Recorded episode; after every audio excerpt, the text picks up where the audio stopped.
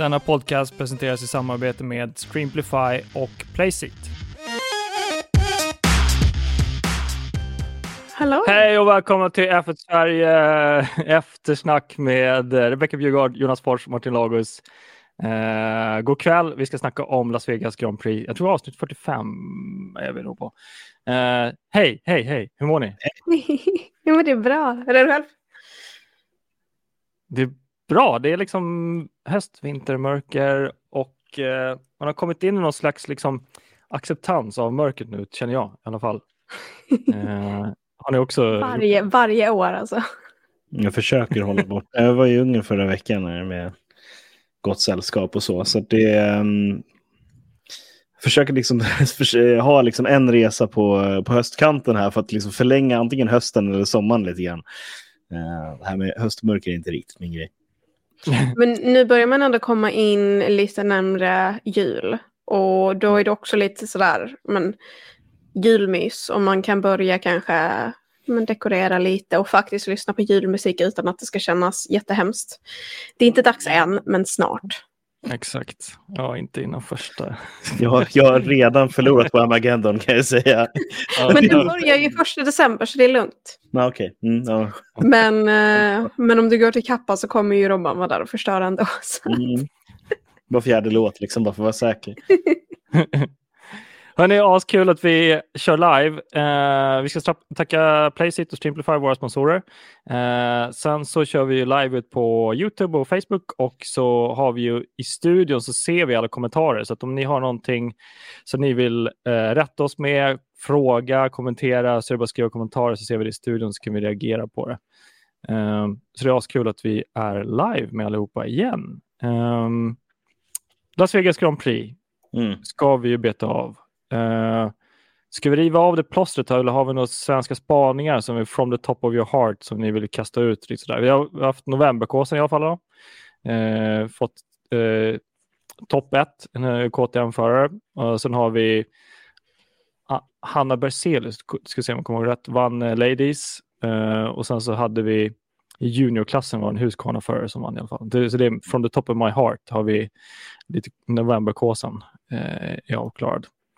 Har vi lite annat så är det bara shout-out eller om ni i live har något riktigt coolt som vi svenskar har raceat med senaste tiden. Um, vi kan ju passa på att nämna också, om man inte har sett det så har vi ju en tävling för det här avsnittet också med Streamplify. Eh, vi kommer att lotta ut valfri produkt till tre vinnare och det finns lite olika produkter att välja för. Jag för mig att det är kamera, mikrofon, ringlight och lite sådär. Så får man välja själv vilket av dem man vill ha om man är en av de lyckliga tre vinnarna. Det enda man behöver göra är att gå in och likea posten för det här inlägget på Facebook. Eh, och lyssnar man på efterhand i Spotify så så länge ni lyssnar innan den 27 så har ni fortfarande tid, 27 november. Så har ni fortfarande tid att gå in och likea så kommer vi låta ut en vinnare den 28. Brilliant. Lite reklam också. mm. Fetched it. Ja, men jättekul att uh, vi kör en sån tävling tycker jag. Um, och sen så ska vi också, jag har sagt det, jag ska, se, jag ska försöka hålla mina ord. Jag, jag har en liten present eller vinst, eller vad heter det? En vinst till den som vinner vår Fantasy League i F1-cupen. Kul! Uh, ja, och det är över ett kilo, man kan säga så, med grejer. så det... det finns en hel del grejer här i världen som väger mer än ett kilo. ja, det... oh, oh, vad lätt gissa det var nu. Nej, men det... också. ja, själar väger sju gram enligt filmen, så att det man får inte Ja. Fidget spinner. Uh, mm. Mm. Ingen Red Bull. Nej. Eller ja, det kan, anyways. Um, men vi får se. Vi ska se, försöka nå ut med det. Det kan bli kul. Uh, lådan i alla fall ganska... Ja, men det blir roligt. Um, all right. Utöver det så har vi ju... Jag nämnde ett uh, newbie-ämne som vi kanske ska försöka battla oss igenom. Mm -hmm. uh, och diskutera lite, det är mest diskussion eller reflektion kring det antar jag, för att jag tror inte vi har så mycket eh, kött på ben eller mandat eller möjligheter att gå igenom hela regelboken. Eh, jag har gjort det någon gång när det var i början av 2022 för att kolla lite på reglerna, men jag orkar inte göra det inför den här sessionen. Men anyways, eh, newbie-ämnet är ju man kan säga, vi försöker definiera som force majeure i, i omständigheter kring, kring banan eller racet. Och det kommer då från, från eh, brunnslocket i första träningen. Eh, mm. Ni som kollar på hela, alla sätten vet att det finns ett brunnslock som har lossnat och skadat Colosines bil. Eh, film in eh, nu om det, om det är någonting som ni har åsikter eller kommentarer om och ä, även ni som kom, kollar live om ni vill rätta mig. I regelboken, mig veterligen, så står det inte någonting om eh, vad ska jag säga, orsakerna till att en bils delar behöver bytas. Eh, jag ska säga så här, om det sker på grund av liksom ett blixtnedslag eller eh, tungt regn eller att ett brunnslock eh, förstör ett golv eller att vi kan säga att ja, vi, har en, vi har en katt som springer upp på banan och förstör eh, frontspoilern. Eh, det verkar som att det är force man gör. Alltihop, allting liksom, mm som är utanför regelboken som kan påverka liksom, skador på en bil. Eh, det har blivit intressant hur de såg på det. Utan Eh, jag hörde en kommentar från Martin Brundle, tror jag var, eh, kring, jag tror det var Martin Brundle, eh, kring eh, beslutet att ge Carlos Sainz straff för att han var tvungen att byta golvet eh, mellan P1 och P2 tror jag var. Eh, när man byter golvet under eh, med en, med en så liksom, signifikant del, rätta mig om jag har fel, så blir det ett straff eh, som påverkar din, i, i det här fallet gridplaceringen inför starten eh, på racet. Och eh, eftersom det är brunnslocket som orsakar det så finns det nog ingenting i regelboken som säger att ah, men, om det är på grund av ett brunnslock eller en force majeure omständighet så ska det inte appliceras eh, ett straff för en förare eller team. Eh, så de, tolk, de, de läste liksom regelboken och sa att ja, men okej, om, visst, det är orättvist. Det är på grund av att eh, vi inte har korrekta ban, en korrekt bana. Men om vi hade konstant tagit aspekten att eh, ifs and buts and maybes är det som påverkar mm. besluten, då måste vi fortsätta med det och säga att ja, men både hundar och katter ska, ska regeln till exempel.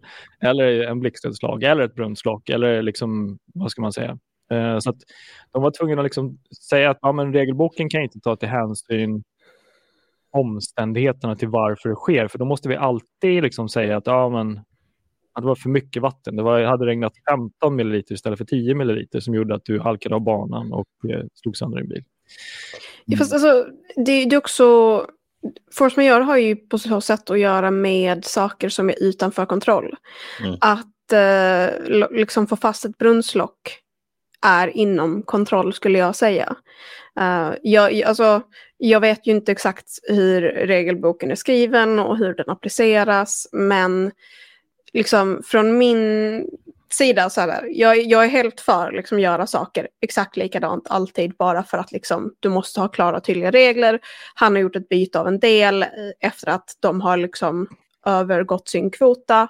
Sure, det är en liksom han får åka ner i liksom grid. Men eh, just det här att på något någonstans så måste det också finnas ett ansvar hos arrangören.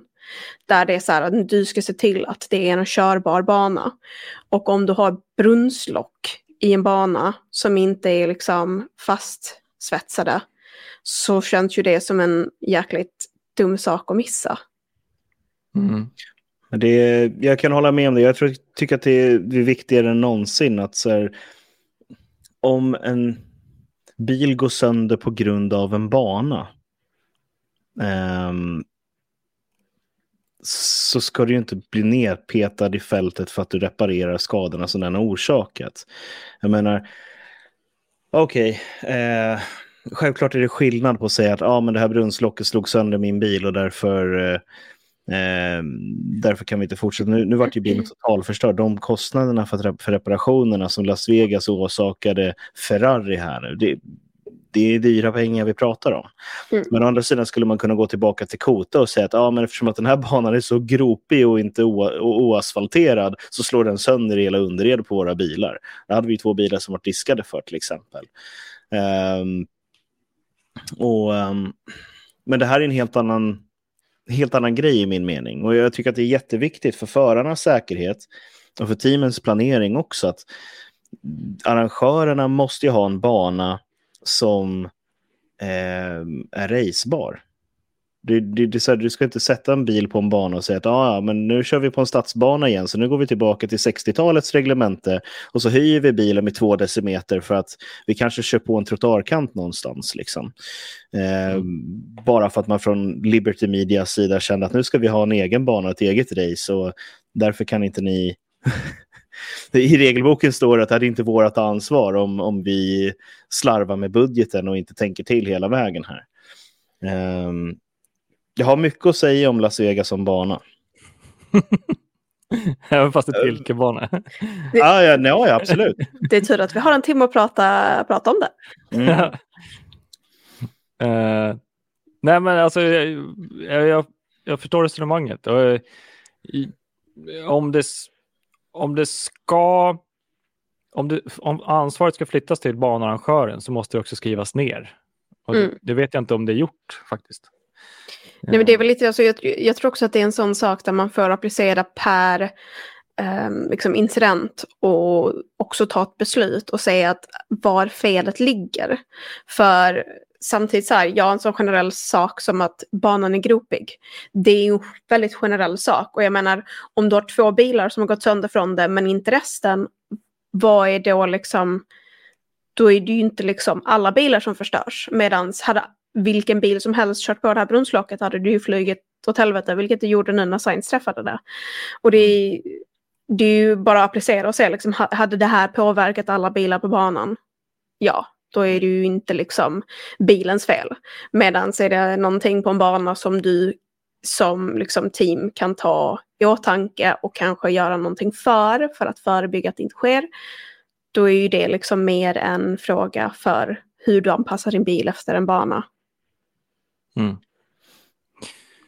Jag, jag tänker i alla fall att jag, jag är ganska liberal med either way. Liksom, antingen så fortsätter man att säger att ja, men, det står inte i regelboken, sorry guys, vi kan inte, vi kan inte ge er, ge er vad ska man säga, dispens för det här och täcka era kostnader. Uh, mm.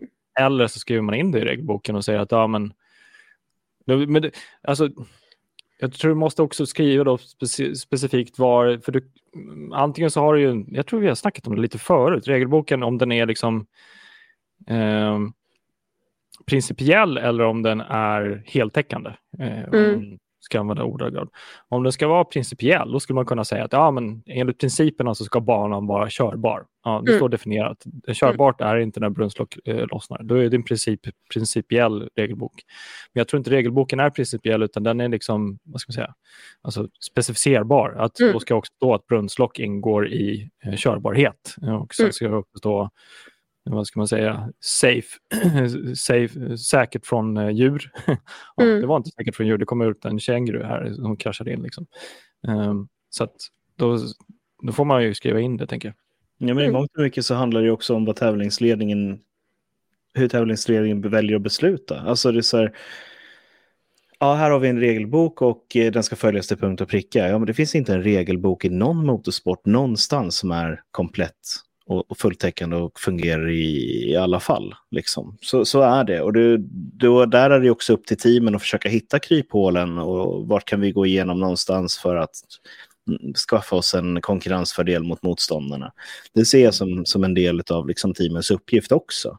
Det handlar inte om att ah, men vi är de som följer regelboken bäst. Ja, ja, men vart går gränserna för regelboken? Liksom? Men om du har en bana som går sönder så tycker jag att du gör fel som tävlingsledare och bestraffar föraren som redan har fått sin bestraffning.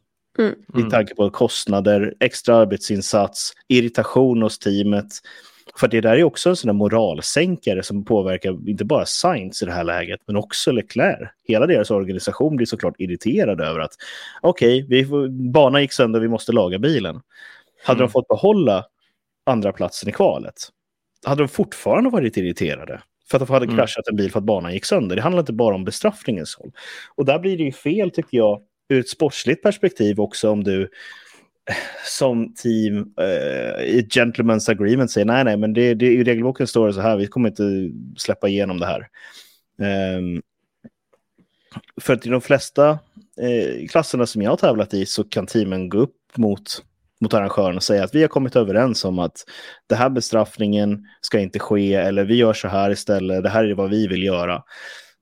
Um, och när alla team är överens är det väldigt svårt för arrangören att säga att ja, eh, nej, men i regelboken står det så här, ja men ni förstår väl att den inte är perfekt i det här läget liksom.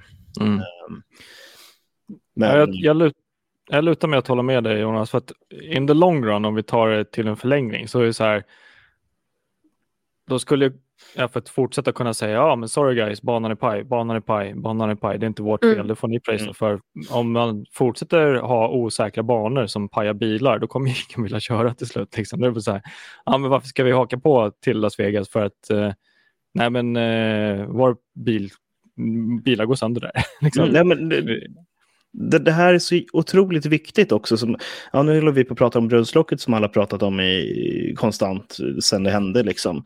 Men bara för att ge liksom en, en övergripande förståelse för vad som händer här. Liberty Media gör sitt eget race på sin egen bana. Har jag rätt eller fel i det? Uh, de äger i alla fall Paddock. Mm, och det är ingen annan promotor som har tagit ansvar för det här racet än Liberty Media själva, F1 själva. Mm. Mm. Det här innebär alltså att de har en bana som går sönder. Och de tycker att det är helt okej okay att banan går sönder. Ja, tråkigt såklart, men att det är teamet som får ta bestraffningen. Vad händer när du går till andra promotorer i andra länder? När du går till Monza, ja. när du går till Hockenheim, mm. när du går till Bahrain till exempel.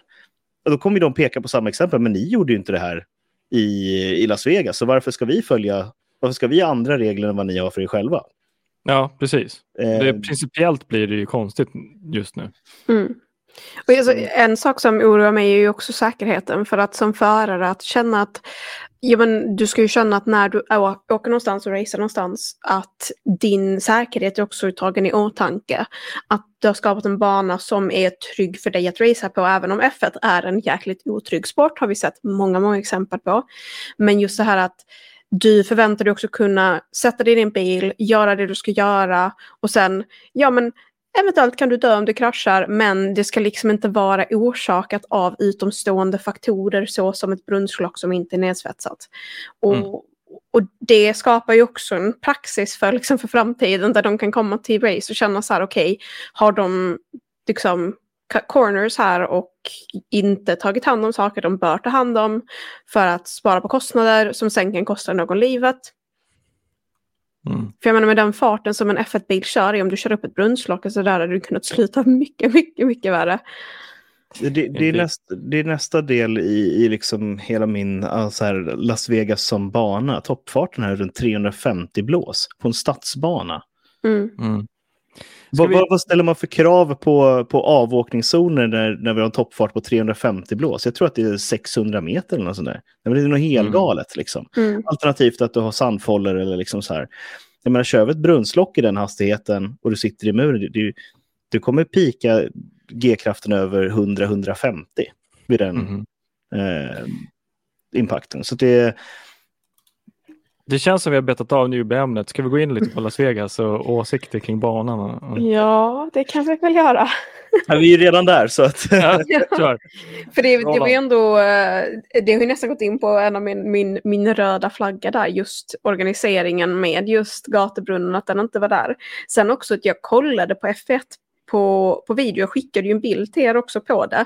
Just det här att eh, där Sainz står, där han har stannat, så är det någon som viftar med en grön flagga precis efteråt. Alltså precis mm. framför Science. Mm, Står någon och viftar med en grön flagga. Och det är gult. Och man ser gula flaggor på andra ställen. Och det är gul flagga och det är gul flagga och det är gul flagga. Och sen går det över till rött. Och de står fortfarande och viftar med en grön flagga. Och, och jag säger bara, Alltså det, det, känns också så här att liksom inte bara har de inte svetsat ner brunnslocket utan de har även liksom marshals på banan som inte, för jag menar, det, alltså saker går snabbt i F1, ja. Det är så här, du, du går från grön till, till gul till röd, det är liksom, det sker snabbt. Men alltså om du står och viftar en flagga och du vet att saker händer så bör du också vara uppmärksam på när det är dags att byta. Mm. Alltså jag är lite kluven här. Alltså, en sida av mig är ödmjuk inför faktorn att de aldrig har kört där förut. Mm. De har byggt en hel fet anläggning som är gigantisk jämfört med vissa standardbanor och har gjort ett otroligt jobb och satsat mycket pengar. Absolut. Så att, liksom, eh, acceptansnivån av nybarnssjukdomar eh, håller jag på att bestämma mig kring. Mm. Eh, jag jag vet inte. Jag har inte varit med faktiskt någon gång i mitt liv där man kört på liksom en helt ny bana. Så att jag vet inte standarden för hur mycket nybarnssjukdomar man ska acceptera som, som fan eller som, som arrangör som team. Liksom. Eh, visst, de, sen så är det ju Formel 1. Vi ska ha en nivå på det som är liksom säkerhetsmässigt och sportsmässigt på den högsta nivån vi har i världen. Mm. Men eh, så här, det kommer ske misstag. Och det, vi har ju bara sett två misstag av flaggan och brunnslocket. Så att, jag vet ja, vi, inte. Vi har bara börjat med det avsnittet också Martin. men det är, också, det är också två ganska stora grejer. Ja, men absolut. Det är två, det, två säkerhetsgrejer. Liksom. Mm. Och, det, det, och det är en sån grej som jag tycker att det kraven där ska vara höga, det får inte ske misstag. För att när det handlar om, för just framförallt när det kommer till flaggorna, alltså det är det förarna ser när de kör i, vad, det nu, vad vi pratade, 350 knyck liksom. Och kommer du, nu i och för sig, det var precis där Science stod, man ser nog bilen innan man ser flaggan. Men ändå om någon har stått vid ett annat ställe och viftat med en grön flagga, du kommer i full fart och där står en bil helt plötsligt. Det är liksom, det får ju inte ske. Nej. Tycker jag. Ja, det sker, men det får inte ske. Ja. Eh, det har ju skett på andra banor också. Nej, men eh, för, för att gå tillbaka till det du pratade om, så okej, det är deras första tävling, men jag kan ju tycka så här. Börja med att ta rallylicens innan du anmäler dig till Dakar-rallyt. Det, det, det, håller jag med om. Och det som jag tycker att de borde gjort är kört eh, alltså F3 och F2 där för att liksom få upp gummit i banan, för den var ju också helt slirig. Mm. Träna upp Marshalls, eh, kolla brunnslock, kolla hållbarhet, kolla, trä, träna liksom innan du hoppar in i F1. Det, mm. det tycker jag, det håller jag med om. I alla fall kasta ut lite touring cars eller några rallybilar där. Någonting. Ja, absolut. Nej, men det finns vansinnigt duktiga eh, Marshalls eller Stewards också i, i, USA. Men sen är ju frågan, eh, ville man släppa de bästa dit? Fick man mm. eh, de som är flaggvakter i Indycar, fick man de som jobbar på IMSA? Liksom? Jag mm. tvivlar mm. på det. Jag tvivlar på det. Um, men jag vet inte. Uh, Med tanke på vad de tog betalt för biljettpriserna så borde de ha budget liksom kunna dra dit de bästa. ja, det kan vi prata om också, hela organiseringen just med att så här, alltså jag läser stories om folk som betalar 5000 dollar och fick sitta under en bro liksom och man bara, Mm. Jätteskönt. Det, Jättebra. Nej, det, det, alltså jag vet inte riktigt vad jag vill, Men vad jag vill rent, rent generellt sett så måste jag liksom ge 10 av 10 poäng till söndagen. Det vill jag ge. det blir tyst. alltså, jag, jag vet inte, för jag, jag tycker att det var, den, var, den var svårstartad racet. Alltså att just det här med att det tog tid innan däcken blev varma, det tog tid innan man fick grepp. Det, det, liksom, det var väldigt mycket, och jag menar, jag som Norris-fan tyckte inte heller om att se Norris uh, köra av. Och det var ju en ganska brutal krock dessutom av att bara liksom tappa lite grepp och så bara flyger bilen iväg som en vante. Um, så på så sätt tycker jag att, alltså jag känner att någonstans, jag vet inte vad man hade kunnat göra, men någonstans att liksom se till att tillåta dem att värma upp däcken bättre, I guess. Mm. Jag tror Martin är inne på rätt sak där i, i början med att ha andra klasser som kör där också så att du håller mm. lite bantemperatur. Det är en stadsbana. Det kommer alltid vara knepigt med greppen på dem och, och så. så att det, men, ja, men plus temperaturerna där var ju också väldigt, väldigt kalla vad jag förstår. Jämfört mm. med vad de andra kör med. Vi har bra reaktioner och kommentarer från de som kollar live också. Vi kan ta in en, en kommentar i alla fall. Mm. Eh, sjukdomar kring brunnslock får inte hända med bilar som väger som fjädrar och går som rymdraketer. Nej, eh, håller helt med. I, ja, jag håller med. Eh, nej, det får, det får inte hända, men det händer. Sen så liksom hur man reagerar på det. Jag såg ni by the way Totos reaktion på journalisten som sa att det är ett svart, svart eh, vad ska man säga, vad sa han? svart fält just nu efter FP1. Nej, Nej, Toto... var, var, det något av de klippen du skickade? ja, jag tror det. Han, reager... Men han, eh, han reagerar väldigt starkt. Jag tyckte Williams teamchef reagerade bättre. Liksom att, eh, Williams teamchef sa att eh, jag kommer dra min slutsats på racet efter eh, checkered flag har gått på söndag. Mm. Um, och det är väl ändå liksom grundpunkten i alltihopa. Liksom, nu när allting är klart, helgen är över, då kan vi liksom diskutera helheten av vad, vad, mm. vad, vad presterar de? Ja, massa fel. Hade de inte felen gjorts med flaggor och brunnslock, mm. då hade man sett på det helt annorlunda, absolut. Um, men med, med vad söndagen levererar i alla fall, som jag tycker eh, absolut bör diskuteras om det var årets bästa race. Eh, mm. med det i, i facit i hand så blir det så här, ja men minus och plus. Ja men på det stora hela, oh, good. Liksom, mm.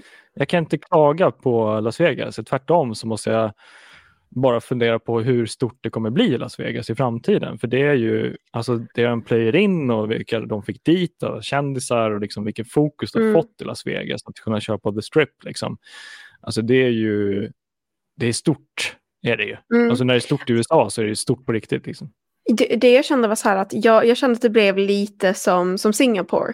Det är fint från avstånd när du liksom ser bilarna från liksom här helikoptervy.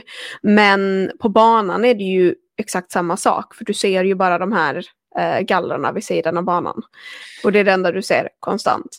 Um, ja. Så att på så sätt känner jag att liksom, där fick man ju utnyttja Las Vegas-vin med dem. De eh, liksom, vinklarna blev ju jävligt snygga. Mm. Mm. The Sphere var ju typ det enda som sågs. Men det, det håller jag med om. Det var så mycket galler, så mycket skyddsbarriärer och mycket lampräcken som mm. liksom gick i vägen för hela, hela vad ska man säga, La, Las Vegas eh, skylinen. Det var så väldigt, väldigt lite um, um, publik jämfört med mm. andra race.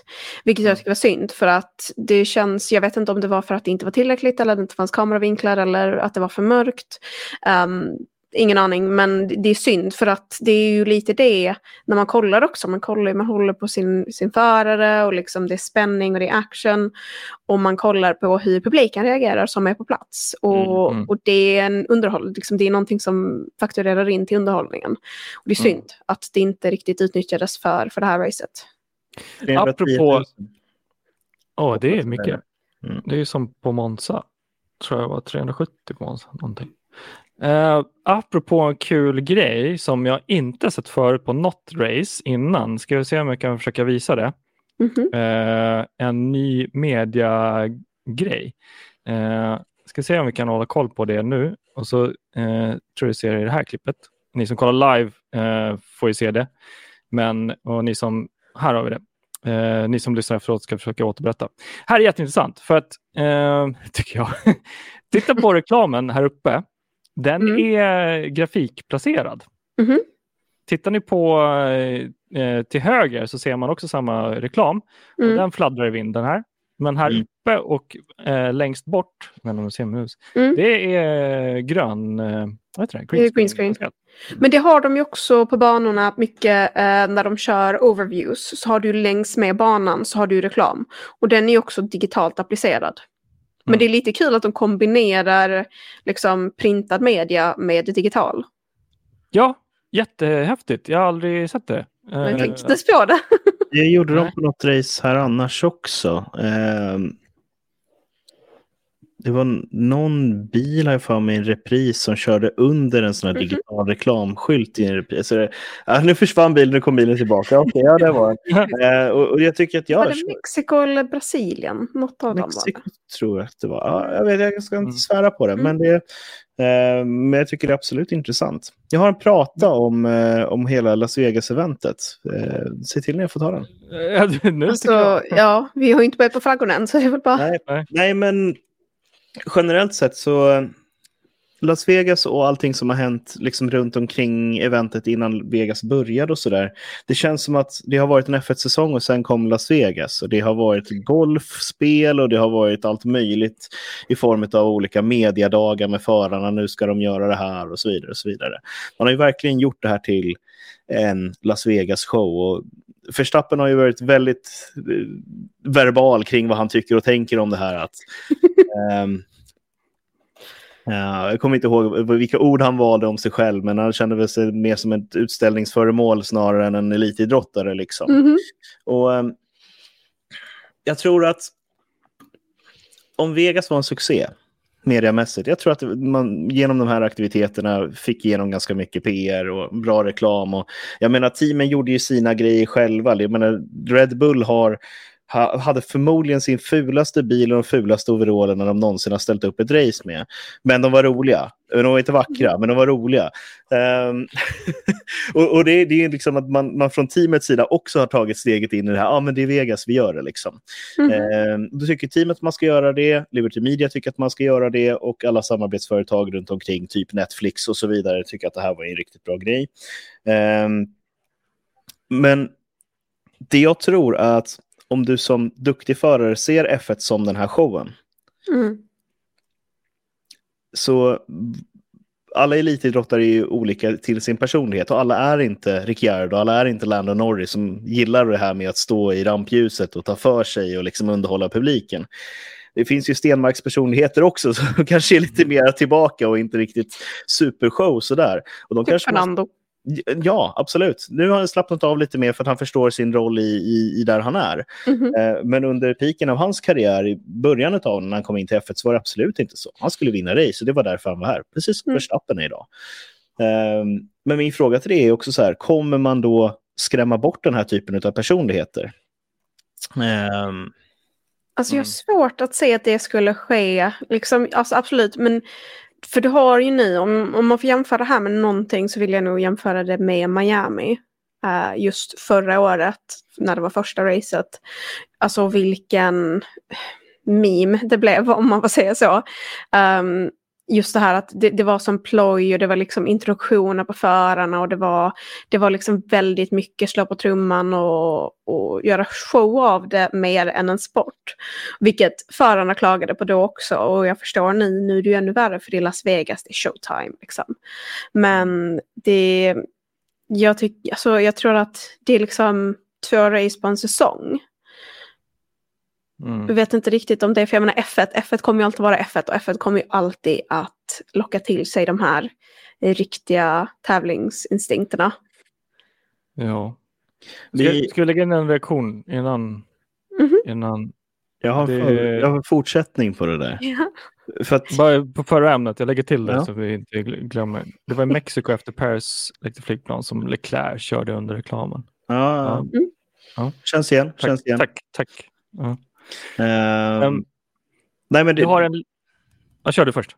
Det, det jag är inne på här också är att jag menar, under det är inte liksom en svensk spaning, men snarare liksom en global spaning över sporten. Vi har haft en pandemi som har varit väldigt tuff för de förarna som har varit eh, finansierade av eh, sponsorer. Jag är en av dem, mm. så jag kan tala från det. Och det jag har sett är många som har liksom gått i masspension. Liksom. Och de förarna som har varit kvar då i, eh, och det här gäller liksom kanske inte crème de la crème som vi har i Formel 1. Men tittar vi på hela gräsroten, kalla Formel 2 mm. gräsrot nu, det är helt fel att göra det, men Formel 2, Formel 3 eh, och sen så eh, de regionala Formel 1, eller Formelserierna.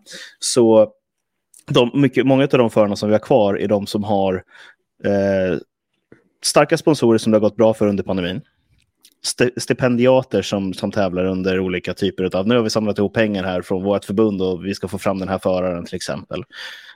Um, eller förare som trycker in privata pengar. De förarna som har råd att trycka in privata pengar de kommer från en familj som kan skjuta in mellan 8 till 20 miljoner per år för att ditt barn ska hålla på med sport. Eh, kanske inte är jätteimponerad över att den här personen ska leka clown på, på tv. Liksom. Eh, det är därför man håller på med, med en seriös sport. Och fortsätter man att ta det här konceptet som man har haft i Miami, som man har haft i Las Vegas och man ser det i andra länder, att ja, men det skulle ju vara kul om vi gjorde något liknande i Silverstone. Liksom. Eh, och sen så sprider det sig från land till land att det är så här vi ska göra våra jippon. Så, så tror jag att man kan väl, kom, eventuellt väljer sportvagnsvägen istället om man har chansen att så här, ja, Formel 2, det kommer kosta mellan 20 till, till 40 miljoner per år. kör vi sportvagn istället, då kan vi få betalt idag för att hålla på med mm. det här. Och vi får köra en Lamborghini. Ja, det ser jättebra ut. Då gör vi det istället. Liksom. Det är det här som jag menar med att man kan, vi kanske eventuellt får se en, en annan typ av förare. De förarna som är på väg in i sporten nu, det är överlevarna från pandemin. Och vi kommer se det de närmsta fem, sex, sju åren. Mm. Eh, sen vågen som kommer därefter, där kommer det hända intressanta grejer. För det är liksom den nya, nya sporten. Och jag tror att Formel 1 håller på att man använder den sista generationen att göra det här med. Eh, sen kommer en helt ny eh, liksom klientel av eh, personer som kommer komma upp till Formel 1. Mm. Um, och där tror jag väldigt mycket på de som, som är just stipendiater eller liksom de som har haft stort stöd ifrån eh, vissa sponsorer som vet vad som krävs för att synas och trivs i den positionen också. Ehm, de som inte gör det och inte haft det behovet, de kommer bli i, i skuggan av rampljuset om de inte vinner världsmästerskap. Mm. Jag kollade på Rush igår kväll för typ sjätte gången. Um, och you, it's your right to laugh at me. Uh, och uh, det kom en viss scen när uh, James Hunt krökade ner sig för att han har tappat sin tappade sin styrning eh, så, så fick han ett, ett samtal från eh, hans manager som sa att eh, McLaren har ju en, en, ett, ett, ett säte ledigt. Och han skrek rakt ut liksom uh, I'll smile to the camera, camera I'll, I'll be a good boy and I'll do everything to beat him. Um, och det tror jag faktiskt finns kommer alltid finnas kvar i Formel 1. Visst, du, vill inte, du gillar inte showen som Max, du vill inte mm. vara en posterboy, du vill inte vara framför kamerorna. Men om jag ska kunna slå den bästa föraren med den bästa bilen, I'll do it. I'll do whatever it mm. takes, som eh, James Hunt sa. Um, och det tror jag det är, liksom, det är grundbulten med Formel 1. Ska du vara på toppen och slåss med den bästa föraren, då måste du betala med någonting själv också. Även fast du inte kan vara dig själv. Du måste liksom vara någonting som, som funkar. Eh, och ja, så, så är det nog med de flesta rollerna man tar på sig. Mm. Annars är det som du säger Jonas, kan man ta på sig en roll som man är ännu mer i sig själv med eh, i Formel 2 eller i någon annan typ, typ när man kör rally kanske eh, på två mm. hjul. Det kan, det kan man ju vara en helt annan person eller någonting. Men eh, så är det ju när man, när man kombinerar flera faktorer så måste man ju kanske kompromissa på någonting. Ja, men intressant ämne. Mm.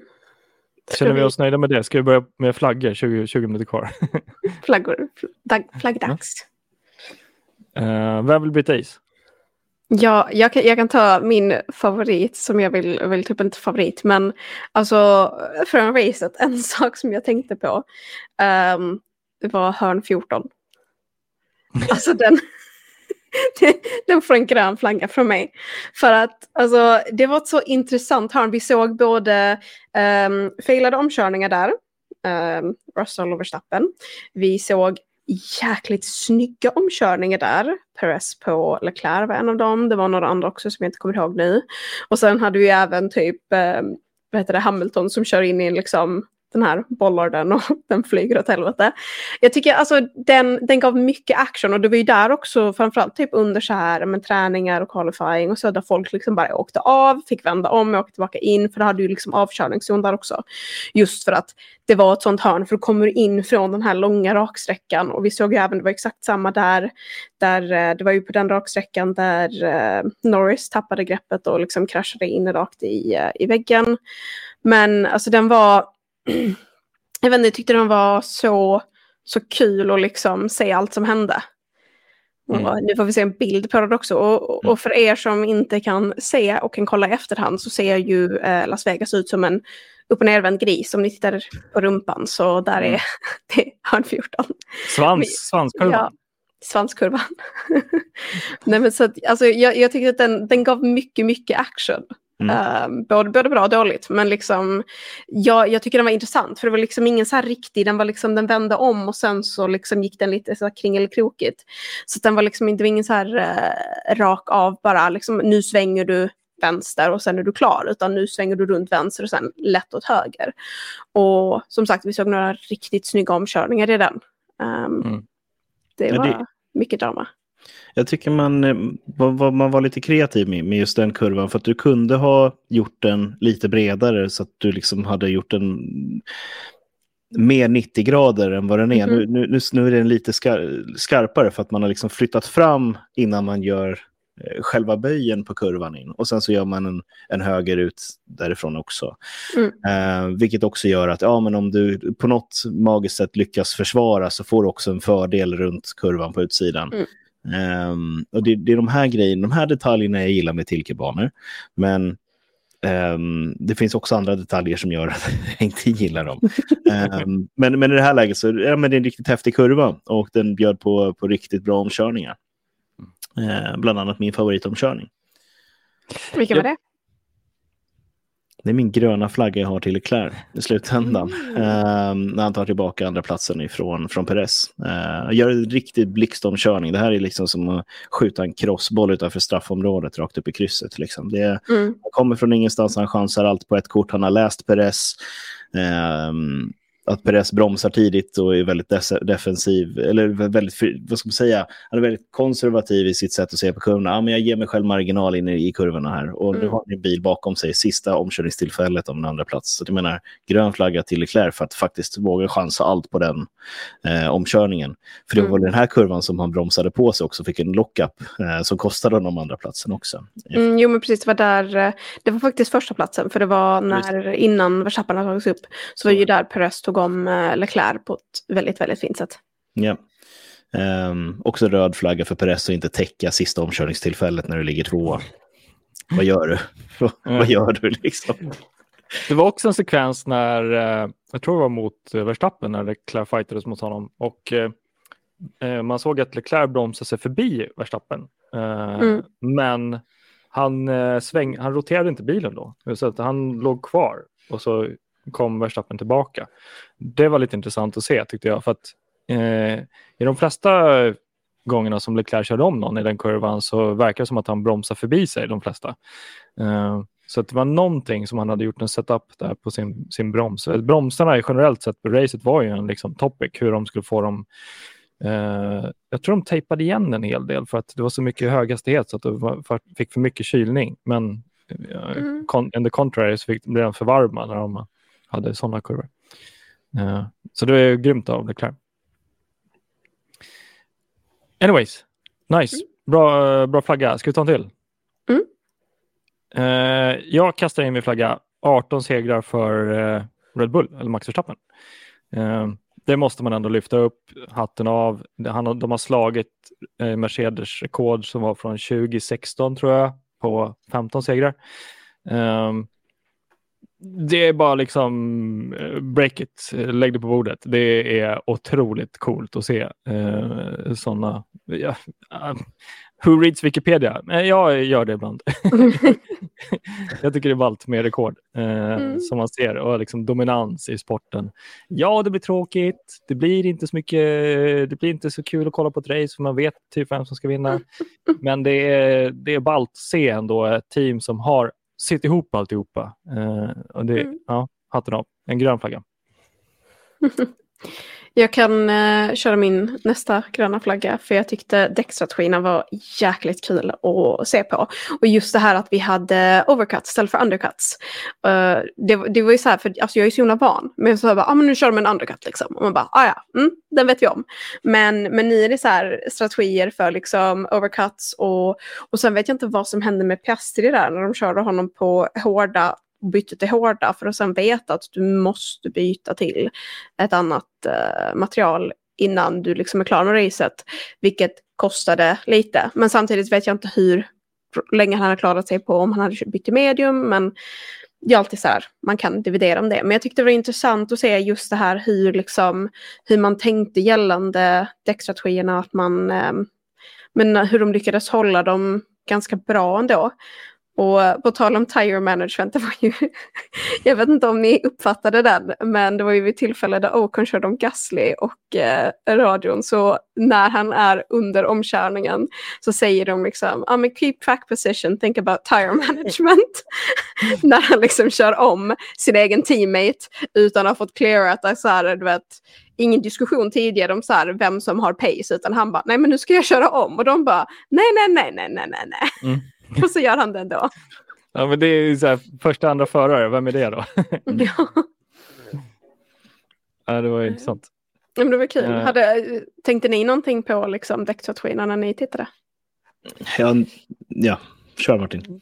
Nej, jag gjorde inte det. Jag var faktiskt helt uppe i race action för att det var ju, det är en annan flagga tror jag har. Det var från varv, jag vet inte om jag tog not på det, men varv, från varv 16 börjar man fighta som första positionen. Mm. Eh, och det, alltså Leclerc, Martin Brundle, det är jättemånga som har kommenterat om hur kul race det var för att det fightade så mycket om första positionen. Eh, mm. Så att jag, jag kollade inte mycket på däckstrategin utan jag var bara så här, vem har bytt, vem har bytt däck? vem har varit i pitstop? uh, jag, jag, hann, jag hann inte kolla vilket däck de satte på, det var bara så här race. Uh, mm. kändes Nej, men det, det kändes ju som att uh, Hårda var vinnaren över, överall. Liksom. Men, uh, men det var intressant att se just den här när de sitter och pratar om liksom köra en overcut istället för en undercut. Mm. Och det är väldigt, väldigt sällan man får se det. Nej, det är sällan overcutten funkar. Det är, ja. Så är det ju. Det är, I regel så är undercutten snabbare för att du går in tidigare, du får fler varv som är några tiondelar snabbare och sådär. Men det jag tyckte det var intressant att man gick in i depån efter första kors, eller ja, precis, när det var säkerhetsbil efter första varvet och man mm. ja, men vi skjuter på hårda direkt. Nu har vi betat av våra mjuka. Då hade man ju förstått redan då att ah, okej, okay, eh, det är hårda som gäller idag. Mm. Eh, och för de som startade på medium så var ju det eh, en välsignelse. Liksom att okay, vi fick bara ett varv på de här, nu slänger vi på de här och så presterar de bättre. Och jag tror att det var kanske så man resonerade från Piastris läger också, eller från McLarens läger, att ja, men hårda, de går bäst. Mm. Vi vet inte om det, det smäller på slutet och det blir en säkerhetsbil till mm. eller sådär. Då kan vi slänga på ett par mjuka och vi vet att de kommer prestera rätt så hyfsat ändå. Uh, så jag tror att man drog en rövare där och fick aldrig riktigt ett bra tillfälle att slänga på de mjuka på vägen. Och då blir det så här, ja men just den här, det är lite intressant när man tar de här ad hoc-besluten. Att okay, men vi har det här, just nu så är de hårda bäst, därför slår vi på hårda en gång till. Um, mm. Och sen så, nu sitter vi här, vi måste gå in och vi måste slänga på ett par, par mjuka. Uh, eller ja, medium då. Och sen får man helt enkelt leva med det. Jag tycker Piastri gör ett jättebra race. Han ska ha en grön mm. flagga för det han, det han åstadkom där. Um, det handlar väl bara om just att däckstrategin inte spelade honom i händerna. Mm. Ja, ja, det... Piastri var ju en av mina gröna flaggor också. Just för att, mm. alltså, han har ju verkligen visat sitt värde. Startade 18 plats, fick 10 plats, fick också uh, fastest lap. Um, så lyckades han knipa liksom, två poäng jämfört med vad att liksom, stå utan. Så det var några riktigt snygga omkörningar och sådär också. Så att, ja, Eh, den här uh, signeringen av McLaren har ju verkligen betalt av sig. Det var ju, det var ju lite så upp till bevis förra året när vi satt där och bara okej, okay, nu är det krig. ja, Nej, men bang for the buck med den rekryteringen måste jag säga. Mm -hmm. mm. Men uh, det var inte så kul att höra Zac Brown, han var, han var inte glad uh, innan, innanför racen. Allt det gick inget bra generellt för honom liksom, helgen. Nej, vi får se hur det går med Norris nu efter sjukhusbesöket. Han säger att allting är okej, okay, men det lät inte som det på rösten efter smällen. Nej, det lät han, inte Han blev ju clearad, men sen så, ja, som sagt, om, man, om, om de anser att de behöver åka till sjukhuset och inte blir clearade direkt på banan så är det ju oftast mm. någonting. Liksom.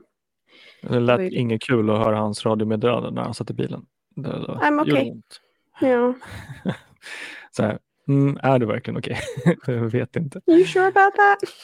Mm. Uh. Eh, jag har en dubbelgul, eller en se, mm -hmm. eh, samma incidentgul. Ska försöka, ska, det är Alonso och eh, Bottas. Ska se om mm jag kan försöka visa den. Uh, sorry guys ni som lyssnar, men jag ska se om jag kan försöka visa den live, för det är lite kul. Uh, det är först och främst Alonso som uh, vi kan hålla koll på här på in, innersida kurva. Mm -hmm. Han drar och sen så får han en spin av sig själv. Han tappar Han tappar allt. Och det är bara liksom så här, okej, okay, Alonso brukar dyka på insidan, men du borde ha lite kunskap om att det här är en helt ny bana, ingen gummi, inget traction. Jag tar, mm. tar det lugnt, liksom. gick inte den första kurvan. Så det, det är liksom första. Men sen så den stora vikten i den incidenten vill jag lägga på Bottas. För kolla på hans rattutslag här, jag ska pausa snart. Där har vi dem face to face. Eh, men sen så kolla på Bottas rattutslag här. Så tar, svänger han tillbaka vänster mot Alonso och kör in honom. Mm -hmm när han, tycker jag, hade möjlighet i den här situationen, där står han face to face och fortsätt svänga höger så hade han kommit runt Alonso. Mm. Men om du tittar vidare på den där, det kommer ju en bil till där. Ja, precis. Alltså, ja. Grejen, jag tror att han har, ju, han har ju en bil till höger om sig. Och att även om han har en bil framför sig så vet han ju inte heller hur mycket den kommer, för den glider ju bakåt nu. Det, det vi mm. ser nu är att Fernando Alonsos bil glider bakåt framför Bottas. Så han svänger ju vänster för att kanske då förhoppningsvis kunna ta sig in framför fören på Ja, Alonso. Det, han provar med det, men eh, jag tänker i mitt läge så hade jag bara så här, men det där är face to face. Han kom, jag vet inte hur mycket han rullar tillbaka, men till höger så är det större sannolikhet mm. att det blir fritt för att de rullar ju. så att, ja, jo, men då måste det... man ju ändå vänta på och se ifall det kommer någon bakifrån där. Till, till vänster ser han ju på banan att det är liksom är öppet på så sätt. Jag vet inte.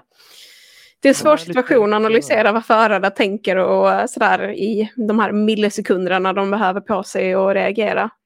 Jag tycker Bottas gör rätt. Jaha, jag tycker inte det. Jag tycker att han ska bromsa och stanna i det här läget. För här kan han ju eventuellt hitta på någonting och komma loss. Men eh, här står han minst i vägen. Mm. Ja, svängan höger, så, ja, svängan höger här, då det, det, det blir inget bra. Jag tror han, han, han, har väl redan börjat bromsa i det där äh, läget. I don't know, det verkar, han rullar ju. Men i mitt, jag tänker bara så här, visst det är jättekul att vara staketproffs. så här borde du gjort. Men eh, alltså, jag tänker bara så här, men stå på bromsen och vänta till vilket, tills du vet om du kan köra höger eller vänster. Alltså för att man borde ju ändå tänka sig att om slår jag, slår jag dikt vänster så kommer jag köra in. Ja, jag tycker ändå det är mm. kul flagg. Det är inte röd flagg. Men det är så här. Han har redan pajat Alonsos framvinge ändå. Kan vi få se Alonsos kadettisnurr igen? Eh, häng kvar, den kommer. Det är så vi kallar det här i branschen. Kadettisnurr. Ja, kadetti, det, det, det är den gokartklassen du börjar i när du är sju år. Det är ett klassiskt okay. sån här, kör för fort in i kurvan, hänger grepp i bakhjulen och bara snurrar runt. Bara. Halvt varv stoppsladd liksom. Ja. Och, och, så där, glider det in och så bara... Ja, det, det är bara helt av honom själv och så ställer han sig mitt i kurvan. Liksom. Så, mm. så, liksom där, genom ja. fältet dessutom. Ja. Mm. Ja. Lite Romain Grosjean-känsla. Ma alltså, majoriteten av bilarna låg ju inte på rätt sida av racinglinjen i den hörnan, eller liksom den svängen där. Men ja. Så man kan vara flerfaldig världsmästare och fortfarande göra kadett i snurrar. Det är... Det ska jag säga också när jag gör något fel. så bara, jag är i alla fall inte värre än Fernando Alonso. Nej, exakt. Mm. Nej. Mm. Nej, men det får, var lite kul. Får jag, får jag kombinera en grön flagga med en gul flagga? Mm. Oh, för jag har en grön flagga till Perez, för jag tyckte att Perez gjorde jäkligt bra från sig. Och i samband med det vill jag då även ge en gul flagga till Verstappen, vilket du vet, Verstappen fanboy nummer ett här, så att det, det gör ju lite ont. Men, men just det här att alltså det var en repeat av, um, det var Rio förra året tror jag det var, när han kostade um, när han kostade Perez eh, andra platsen i mästerskapet. Just det här att så här, teamet sa, in, de sa inte liksom låt honom köra om, men liksom håll, håll dig nära så att han fortfarande har DRS och att Leclerc inte har chansen att attackera. Och han typ så här tio sekunder senare bara, ha jag ska försöka. Och sen så typ lite så här halvplojt liksom går några hundradels sekunder liksom närmare, men inte nog. Alltså han borde gjort en science där. Om vi kommer ihåg vad det var Singapore va? när Sainz höll eh, Norris bakom sig för att liksom, och gav honom DRS för att eh, undvika attacken bakifrån från Russell. Mm. Det, och det, det, det, tycker jag liksom, alltså som, som teammate framförallt så tycker jag ändå på något sätt att man bör ha det i åtanke. Att du har din teammate bakom dig och för teamet ser det mycket, mycket bättre ut med en 1-2 än en 1, 3. Att liksom, nu ska vi, för att det är, så här, det, det är inte att vi, vi ska låta någon annan köra om en förare, men samtidigt när du är ett team så tycker jag att då ska du liksom hålla dina teamkamrater om ryggen. Och det tycker jag att Verstappen verkligen inte gjorde där och det blev liksom en repeat av ja, en tidigare säsong där han liksom lät Leclerc ta poäng som sedan, nu fick i och för sig Perez, eh, han har väl andra platser i mästerskapet nu så att så på så mm. sätt är det ju ändå okej, okay, men ja, jag vet inte. Det gjorde mig lite irriterad. Och jag tyckte att Perez hade verkligen, verkligen kämpat i det racet och hade förtjänt den här andra platsen. Sen såklart, det hade Leclerc också och han förtjänade också. Det var en jättesnygg omkörning. Jag bara tycker liksom som Red Bull-fan att de borde ha liksom låtit uh, Perez hålla, hålla sig tätt till Verstappen och kunna utnyttja DRS. Mm. Men så som Red Bull-fans måste man ju ändå lyfta fram poängsituationen mellan Verstappen och eh, Perez. Alltså mm. Verstappen har dubbelt, mer än dubbelt så mer poäng än tvåan i mästerskapet och de har mm. ändå lyckats säkra tvåan i mästerskapet. Mm. Alltså det är ju det är ju slam dunk på många sätt och man måste ju bara så här Hatten av ja. Ja, hatten av. Vad är liksom, hur, hur har ni gjort det här? För det är ingen som har regerat så mycket och ingen som har säkrat första och andra positionen så, så kristallklart som Red Bull någonsin gjort mm. förut. Så tidigt i säsongen och liksom med, med så, så hårda poäng och Max Verstappen liksom att dubbla sin teamkamrats poäng. Mm. Det är sjukt. det säger en del. Mm. Ja, jo, alltså Verstappen har ju tagit majoriteten av poängen i, eh, i år. Det har han ju. Mm. ja, så att eh, vi får se vad som händer nästa år. Vi är snart där. Det ska bli spännande att se om någon börjar komma ikapp eller om det är liksom om det är stora uppgraderingar som kommer bland teamen. Eller ja. sådär. Vad kommer med bilarna? Det är väl ingen jätteny, det kommer inte vara några större förändringar i föraren, eller hur? Det är väl uh, ganska samma, vill jag minnas. Det är väl ganska samma. Jag kommer inte ihåg riktigt silly season när det har gått. Det var ganska lite silly season liksom. Ja. Um, Ja, men det kommer bli superkul att se nästa år. Vi gör special på den nästa vecka. Ja, silly season special. uh, jag är nöjd med mina flaggor. Vad har vi? Uh, har vi något mer? Jag har väl lite kvar, men det är väl inget så här jätteviktigt. Eller jag vet inte, har, har du någonting kvar Jonas? Mm, ja, jag tycker väl att sådär, Perez generellt sett gör ett bra race. Sainz mm. också. Och Con mm. gör ett bra race. Det är väl de sakerna som jag vill lyfta fram mm. um, i slutändan. Så det är, och det är väl klart att jag, jag har lite så här, frågetecken på, på vissa manövrar som man gör och sådär. Vi har pratat om Perez bland mm. annat och sådär, så det, ingenting är superperfekt. Mm. Eh, Förstappen, ja, vinner racet, men han kokade däcken första stinten, inte jättebra. Eh, inget styrkebesked där. Eh, intressant första kurva. Vågat att inte släppa om Leclerc från, från Förstappens sida och från Red Bulls sida. Eh, mm och lita på att man har överlängden. Och det är också ett, eh, skulle jag säga, tecken från Red Bulls sida att man, ja, men de, man är inte supersjälvsäker i det läget. Eh, men det är också kul att få se Verstappen verkligen kämpa för att vinna ett race. Mm. Eh, och det är då de här knepen kommer fram, som hans första kurva var. Det var 100% eftertänkt, bromsa för sent, klarar inte kurvan, båda är av banan. Det är en så otroligt stark mental gillring till, till Leclerc. För då kommer han sitta där och irritera sig. Vad får han ingen bestraffning för? Får ingen bestraffning för? Så kommer han elda däck mm. i fyra varv. Sen kommer FIA och säger han får bestraffning. Ja, ah, bra. Ah, shit, jag mm. eldade mina däck i fyra varv för att jag var irriterad. Mm. så det, um, det, det, är de här, det är de här grejerna. Vad sa du? Alltså när, när han väl fick det här bestraffningen, då kände man ju så här, bara, men, men det, det, det drar han ju iväg liksom. Det brukar han ju alltid dra iväg. Och sen så ser man Leclerc som sagt komma ikapp och typ nästan om, vill jag minnas också vid något tillfälle mm. liksom. Och verkligen så här, och sen sitter han där med fem sekunders bestraffning och man bara, okej, okay, ja ja. Um, vi får väl se. Men så här, det är ju Verstappen, man vet ju att han kommer klara det. Men det var, det var, det var lite frågetecken där ett tag. Mm -hmm. ja, det, här är inte, det här är inte en downforce-bana heller. Måste tänka på det också, att det är inte en bana där dynamiken avgör, det är en motorbana. Mm. Eh, tråkigt för Sargent att det inte varit bättre än så, men det är coolt att se honom göra så bra ifrån sig på kvalet hemma. Mm. Eh, men eh, det, det är också ett utropstecken, okej, den här banan passade inte Red Bull-bilen lika bra som de gjorde de andra bilarna, då får vi bra racing.